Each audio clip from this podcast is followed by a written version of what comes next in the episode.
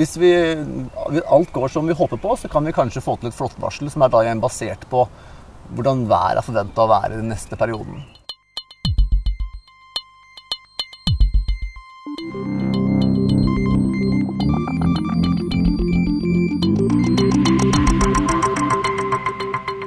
Den er ikke større enn eh, en halv til fire millimeter. Likevel er den både fryktet og hatet, får vi vel si.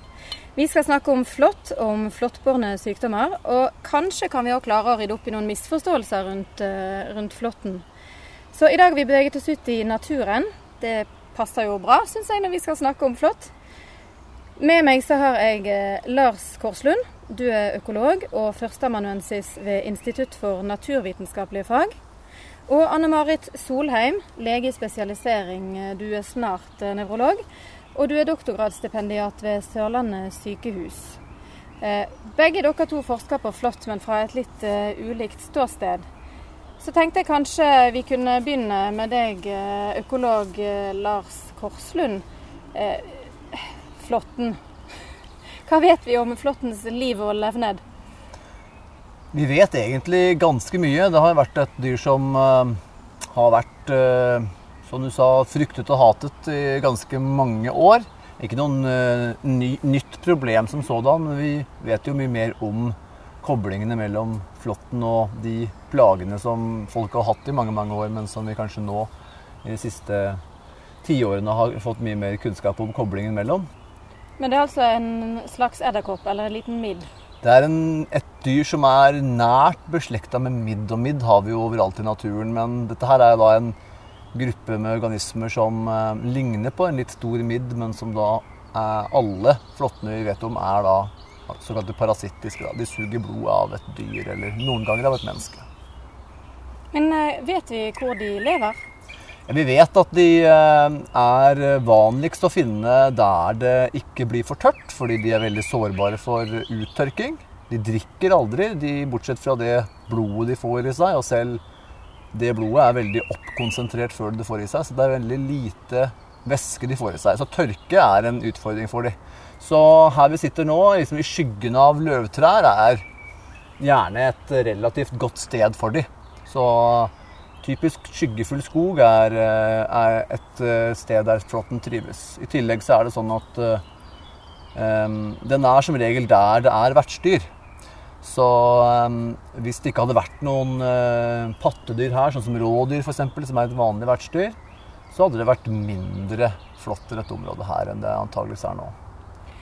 Men stemmer det at det er mer flått på Sørlandet enn andre plasser i Vi vet at uh, Sørlandet er et sted der det er relativt mye flott, etter norsk målestokk i hvert fall. Og eh, det skyldes nok først og fremst det at det er et relativt hyggelig klima. Det blir ikke for lange, kalde vintre. Eh, så eh, nord i Norge og i innlandet av Norge så er det betydelig mindre til ingen flått.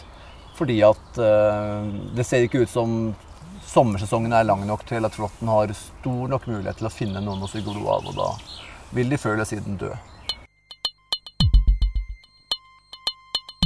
Vi har da plassert oss eh, på et eh, ikke tilfeldig valgt sted. Vi sitter i nærheten av eh, en slags innhegning ved Nedre Timenes i Kristiansand. Og dette må du fortelle mer om. Jo, her har vi da en, en skal vi kaller det en liten, et metallgjerde. Det er en akkurat kvadratmeter stor kvadratisk boks. Så da er en, veggen er av metall. Vi har ingen bunn i den, for den står rett ned på skogbunnen. Og inni denne så har vi da løv. Eikeløv og bøkeløv, som er typisk det løvet som vi finner også rundt her på skogbunnen. Og eh, så har vi 48 ehm, hvite trepinner som er en drøy halvmeter høye, som stikker opp fra denne her eh, rammen eller boksen, eller hva vi skal kalle det. Eh, oppi denne rammen blant løvet så har vi da eh, sluppet ut eh, flått eh, som vi har tidligere fanga. Og så skal de da få lov til å leve her inne. Og fra dag til dag og time til time gjøre valget skal jeg stå oppe på toppen av pinnen for å håpe at det kommer et dyr forbi som jeg kan eh, gripe tak i og suge blod av, eller skal jeg gjemme meg nede i løvstrøet på skogbunnen? Uh, og når vi da kan observere hvor mange flått som er oppe på pinnene, som da er malt hvite for at vi lett skal kunne se flåtten, uh, så vi, får vi fra dag til dag et uh, slags relativt mål på hvor mye flått som er aktiv eller passiv. Eh, og dermed også da eh, kan etter hvert lære en del om hvilke eh, hovedsakelig klimatiske forhold, da, temperatur og luftfuktighet og vind og, og sollys den type ting, som eh, styrer om flåtten velger å være aktivt vertsøkende oppe i vegetasjonen eller passivt ventende nede på skogbunnen. Og Her sitter det i hvert fall noen. I dag er vi på en uh, vakker soldag helt i begynnelsen av juni. Ja, så her har vi noen uh, både hanner og hunder som det er ganske lett å se forskjell på. da. Ja, det lurte jeg veldig på. Hvordan i alle dager Hundene de har en sånn ruoransje bakkropp, mens hannene er i og for seg helt svarte og er et godt hakk mindre enn hundene. Så her har vi vel, så vidt jeg kan se, i hvert fall hunder, de fleste jeg ser her nå. Så det de gjør nå, nå sitter de her og håper på at det kommer et eh, dyr eh, forbi som de kan gripe tak i eh, for å få sitt siste blodmåltid som da hundene trenger før de skal legge egg. Og med det strømgjerdet vi har rundt oss her nå, så kommer de neppe til å gjøre det. Men det strømgjerdet er nettopp fordi at vi ikke ønsker at det skal komme store vertsdyr til som kan, som kan gjøre at disse flåttene blir borte. Vi ønsker å observere de så lenge som mulig. Så eh, synd for disse individene her, altså flotte individene her, så vil de mest sannsynligvis før eller siden sulte i hjel fordi at det ikke kommer noen vertsdyr som de kan suge blod av. Hvis vi kan begynne å forstå litt mer om mm, hvilke perioder flåtten er aktiv og når den er ikke aktiv, så kan vi også etter hvert begynne å kanskje forhåpentligvis råd, komme med råd til folk om når det er større eller mindre risiko for flåttbitt. Og det vil være et, en, en nyttig kunnskap å ha. Som et slags sånn flåttvarsel? Ja. Et, eh, for, hvis vi, alt går som vi håper på, så kan vi kanskje få til et flåttvarsel som er basert på hvordan været er forventa å være den neste perioden. Og så har de tre forskjellige stadier i sitt liv, eh, flåtten? Det stemmer. Når et egg Eh, som eh, da blir lagt av en eh, flåtthund. Når det klekker, så får vi det vi kaller for en larve, som på en måte er barnestadiet til flåtten. Den er veldig veldig liten, så liten at mange mennesker kanskje aldri har sett den selv om de har fått den på seg, for de legger ikke merke til den. Knappenålshode nesten mindre enn det. Og hvis den da finner et dyr å suge blod av, f.eks. en mus, som kanskje er den vanligste vertsdyret for disse små larvene, så kan den suge seg full av blod og gjennomgå det vi kaller for et hamskifte, og bli til ungdomsstadiet, som vi kaller for en nymfe. Den kan igjen da stå og vente på at den forhåpentligvis finner et nytt vertsdyr å suge blod av. Og hvis den klarer det også, så kan den igjen gjennomgå siste hamskifte og bli til en voksen flått. Og Det er først da vi kan se om det er en hann eller en hund, for det kan vi kun se på de voksne flåttene. Og den hunden spesielt da vil igjen være nødt til å suge blod av et eh, vertsdyr for å kunne eh, ha nok energi til å legge egg. Og så må den selvfølgelig møte en hann også for å kunne pare seg med en hann som kunne befrukte eggene. Mm. Og så er det litt sånn at vi begynner å klø bare vi prater om denne flåtten. Og du lege Anne Marit Solheim, du har jo hatt eh, flere larver på leggene allerede. Så, så, så hvis noen hører klølyder her, så er, bare, så er, det bare, oss som begynner å føle litt på at vi har satt oss i et fruktbart og fint område for disse her. Men eh, larvene, smitter de med flåttbårne sykdommer, eller er det kun eh, disse nymfene og de større? Vet vi noe om det? Altså, Larvene har ikke smittestoffer i samme grad som de eh, mer modne stadiene. Fordi eh, smittestoffene går vel ikke fra egg til larve. Veldig liten grad i hvert fall, mm. sånn at det er hovedsakelig smitte fra et dyr til en flått og videre fra en flått til f.eks. et menneske. Men eh, så kan vi vel òg si noe om hvor mange flått som egentlig er bærere av noe. Hva, hva, vet vi om det så langt? Det er jo i hvert fall i Agder da, så har vi jo tall som er fra 25 til 30% eh, altså samlet av de som, altså nymfer og voksne, som kan være bærer av borrelia f.eks., som er den vanligste flåttbårne bakterien. Eh, og du forsker på, på borrelia, eller nevroborreliose. Kan mm. du fortelle litt om eh, ditt forskningsprosjekt? Ja. Eh, vi forsker på pasienter eller mennesker da, som blir smittet av borrelia-bakterien og får en infeksjon i nervesystemet sitt, også da, da kalt nevroborreliose. Og det mitt konkrete forskningsprosjekt går på, det er å kartlegge og få mer kunnskap om det med behandlingslengden av antibiotika mot den type sykdom.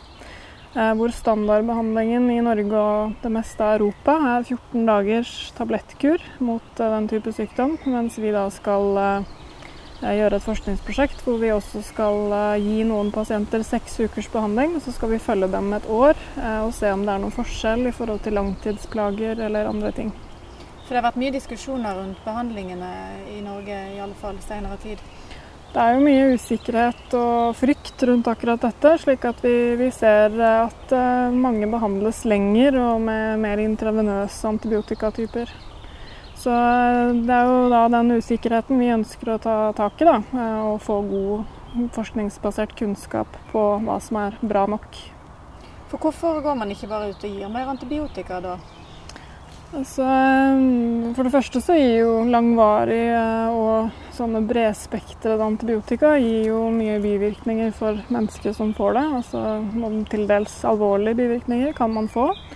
Ved at man dreper på en måte de, de snille bakteriene i kroppen, slik at de slemme i får eh, bedre vekstvilkår.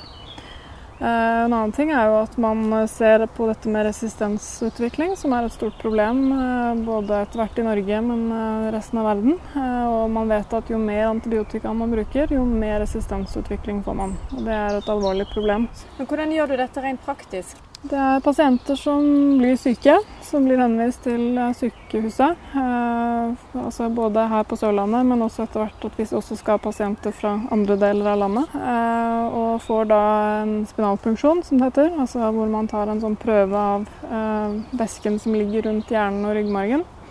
Eh, og ved da en bekreftet nevroborreliose, eller borrelia i, i nervesystemet, så, så får man da tilbud om å være med i denne studien.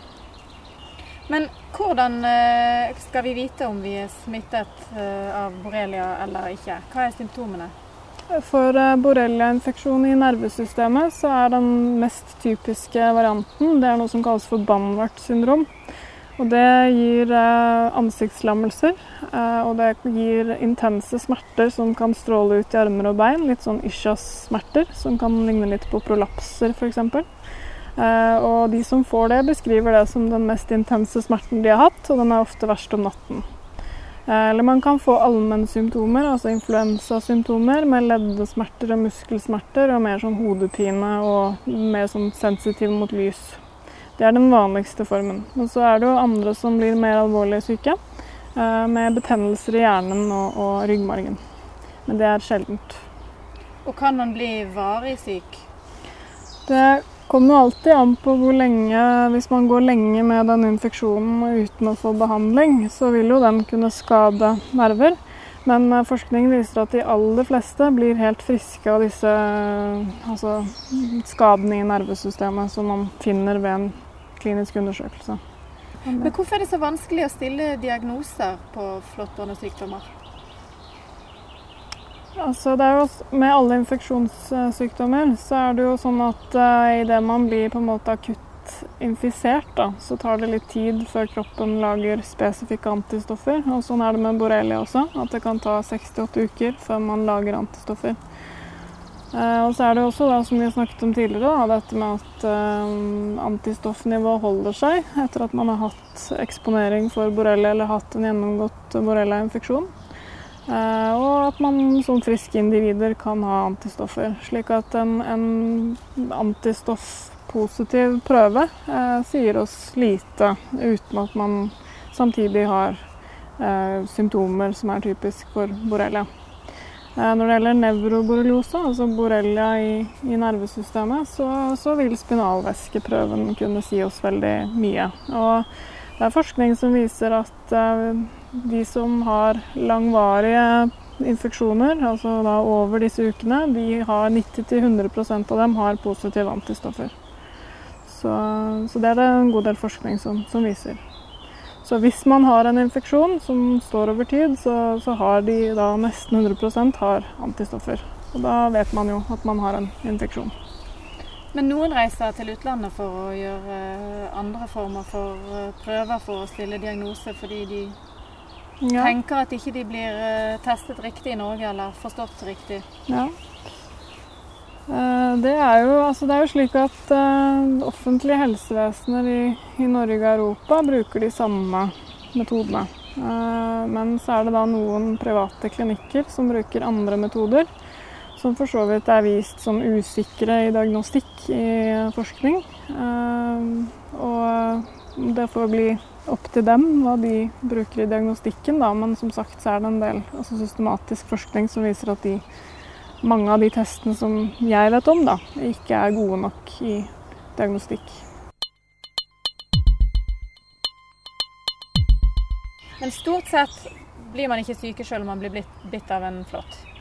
Det er vel riktig å si. Jeg har notert meg 2 eh, av alle flåttbitt. Mm, ja. Så det vil jo si at hvis du har hatt 100 flåttbitt, så kan du kanskje i snitt da regne med at to av de To av dem kan gi deg borrelia. Kan gi borrelia, ja. riktig. Det er jo flere som Antageligvis betydelig flere av de, to, av de 100 som bærer med seg en borrelia-bakterie, f.eks. Men eh, hvorvidt den bakterien faktisk eh, klarer å eh, gjøre deg syk, det er ikke det samme. Mm. Så det betyr at risikoen sånn sett er ganske liten for oss som ikke blir bitt av eh, flått veldig ofte. Mm.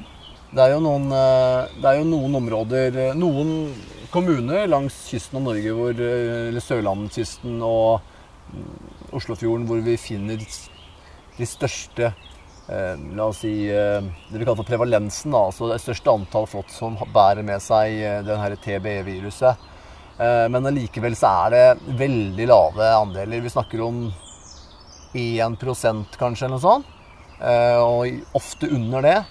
Så eh, dette viruset det finner vi i veldig få flått i Norge. Som igjen betyr at sannsynligheten for å bli syk fra dette viruset her er altså heldigvis veldig liten i Norge. Når det er sagt, så er det jo også anbefalt fra folkehelsemyndigheter å vaksinere seg mot dette viruset, for man kan få en vaksine mot dette her hvis man bor i slike områder og man ofte får flåttbitt. Nettopp fordi at eh, konsekvensene hvis du blir smitta, kan være relativt store. Og jeg har notert eh, ni tilfeller eh, i 2015. Det er i mm. hele landet. Mm. Mm. Hvordan er symptomene på TBE? Hodepine eh, begynner det ofte med. Eh, influensasymptomer. Klassisk i forløpet at man, har, man kaller det for et topuklet forløp. Altså at man først blir eh, syk med influensalignende symptomer og feber og hodepine og syns det er ubehagelig med lys. Og så blir man bedre, og så får man eh, en ny på en måte, sykdomsperiode.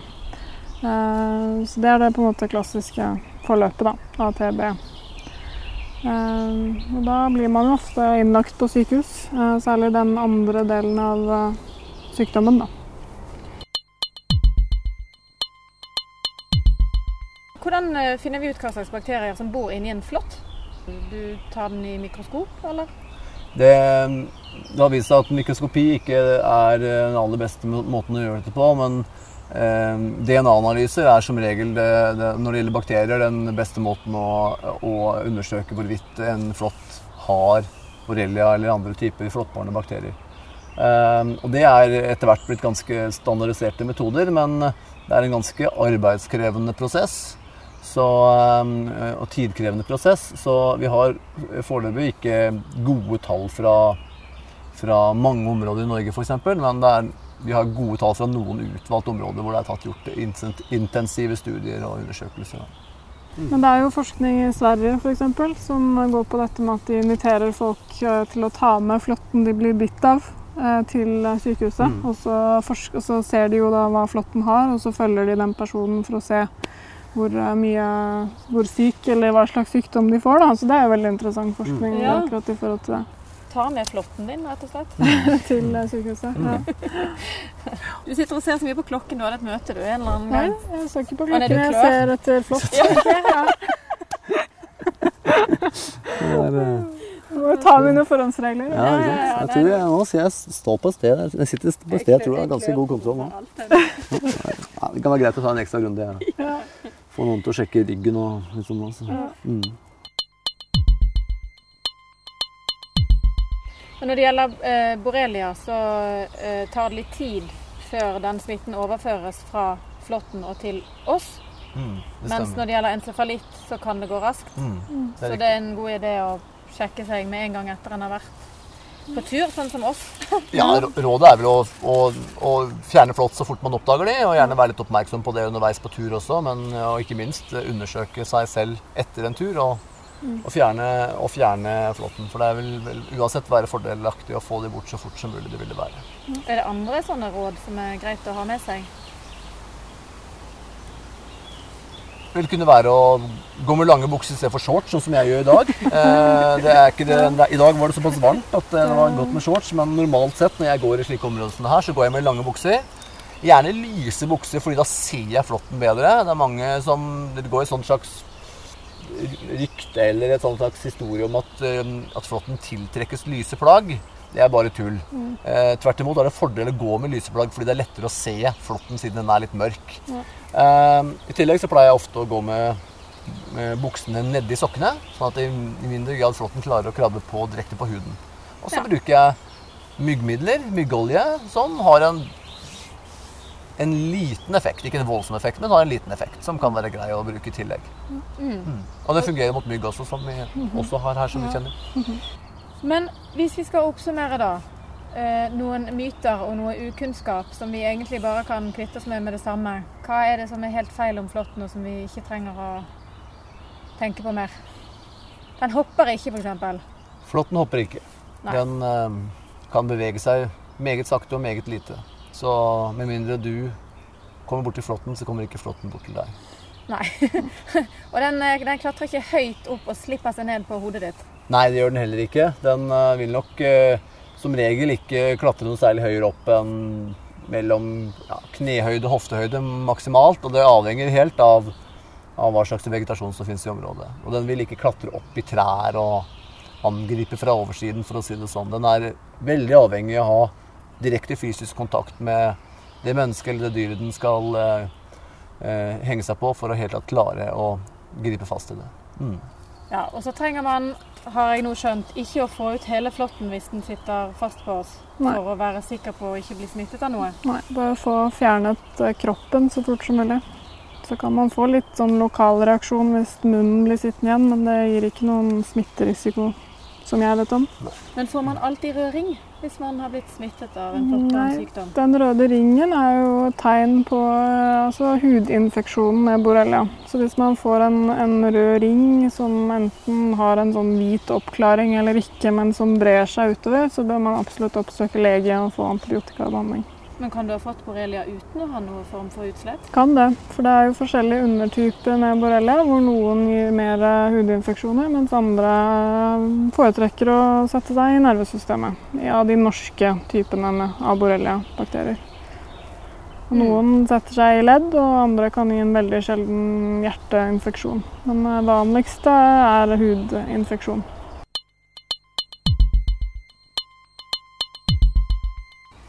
Et spørsmål til deg, Lars Koflund, du er økolog. Eh, Så snakker vi alltid om at alle organismer og alle dyr i naturen har sin plass og sin eh, nytte. Men hvorfor har vi flåtten? Hvem er den eh, nyttig for? Ja, det er et godt spørsmål. Um, når mennesker stiller det spørsmålet, som jeg får ganske ofte, så, så, og det er jo ikke så veldig rart at vi gjør det, men da ser vi på flåtten fra vårt eget perspektiv. Har flåtten nytte for oss? Eller de sier jo, vi sier ha, hva, liksom, hvem eller har nytte for flåtten, eller er det noe vits i at flåtten er her? Men vi tenker jo fra vårt perspektiv. Og fra vårt perspektiv så vil vi nok si at hvis flåtten blir borte, så vil vi ikke se noen negative fordeler av det. Vi vil antagelig se noen positive fordeler, for vi slipper unna eh, en viktig smittevektor for disse bakteriene og virusene. Eh, ser du det fra borrelia-bakterien sitt perspektiv, så vil du si at den eh, er vital for den. Men det er nok antageligvis en del dyr som har flått som, sånn sporadisk mat. Men neppe en matkilde som er viktig for dem. Så jeg tror ikke de dyra heller hadde merka det hvis flåtten hadde blitt borte. Det tror jeg ikke. Men for borrelia-bakterien er den viktig? For borrelia-bakterien er den eh, livsviktig, vil jeg påstå. Men det betyr altså at vi må bruke skogen og vi må kose oss, men vi må kanskje børste av oss når vi kommer inn, sånn som vi må gjøre nå. Tusen takk for at dere ville være med. Takk ha. Du har nå hørt en podkast fra Universitetet i Agder. På uia.no podkast kan du finne flere episoder og diskutere det du har hørt. uia.no podkast.